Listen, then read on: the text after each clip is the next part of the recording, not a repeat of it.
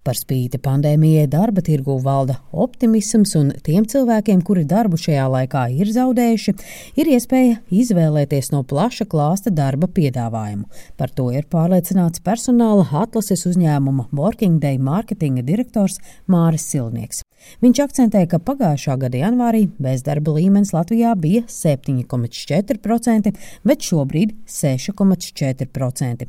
Tāpat laikā viņš nenoliedz, ka ir jomas, kas pandēmijas dēļ dēļ vairāk ietekmētas, piemēram, viesmīlības nozara, izklaides un atpūtas joma. Tajā pat laikā ir jomas, kuras ir piedzīvojušas milzīgu uzplaukumu, kur ļoti trūkst darba rokas, tie ir uh, dažādi piegādes, servisi, sakarā ar attālināto mācīšanos un strādāšanu ir ļoti liels pieprasījums pēc IT speciālistiem. Protams, ir jāpārprofilējās, tajā pat laikā darba piedāvājumu skaits ir milzīgs. Nodarbinātības valsts aģentūras mājaslapā tur ir 5675 darba piedāvājumi. Tur ir no kā izvēlēties, tur ir arī vadītāju un augstu kvalificētu speciālistu vakants visiem līmeņiem. Personāla vadības konsultācijas uzņēmuma Eiropersonāls vadītāja Evita Matskeviča uzsver, ka darba devēju un ņēmēju ceļi var krustoties dažādos kanālos. Tikai atsaucība no sludinājuma publicēšanas populārākajā portālā CV Online, nu, diemžēl, nestrādā. Un arvien vairāk saņemam zvans no klientiem ar jautājumu, ka mums trūkst eksperti, ka mums nepiesakās, ko mums darīt, kur izvietot un palīdziet mums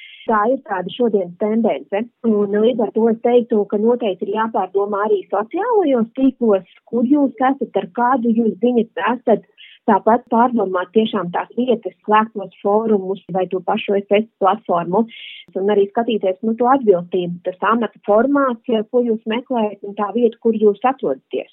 Eksperti norāda, ka darba tirgu notiek darbinieku migrācija no vienas nozars uz otru, bet šāda tendence ir vairāk zemāka līmeņa amatos. Savukārt augstāka līmeņa darbinieki ir pieprasīti jebkurā jomā, arī tajās, kuras pandēmija ievērojami skārusi. No augstākā līmenī noteikti tās pašas talantu medības turpinās, un es arī skatījos, ka informācijas lapā makroekonomika LV arī raksta, ka pandēmijas laikā, ir palielinājies darbinieku skaits, kuriem ir pieaudzis arī atlīdzība virs 4000. Tā kā tur tur uh, tiek uzrunāti cilvēki, tiek meklēti, tiek piesaistīts atlases kompānijas, un tur tas pieprasījums ir.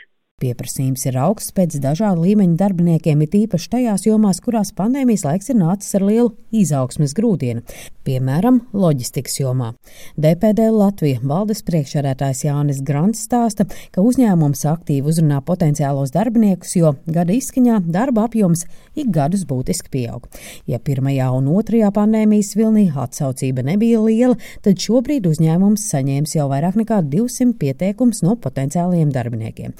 Jānis Jānis Grants atklāja, ka daudziem darbs loģistikas uzņēmumā ir veids, kā savā ziņā pārziemot. 99% atgriežas, protams, tādā savā oriģinālajā nozarē, kurā viņi strādājuši. Tas ir turisms vai ēdināšana, nav svarīgi. Šī gada izskaņa vienmēr mums ir bijis tāds karstākais periods. Šī gadā viņš ir vēl karstāks tīri dēļ šiem papildus liegumiem.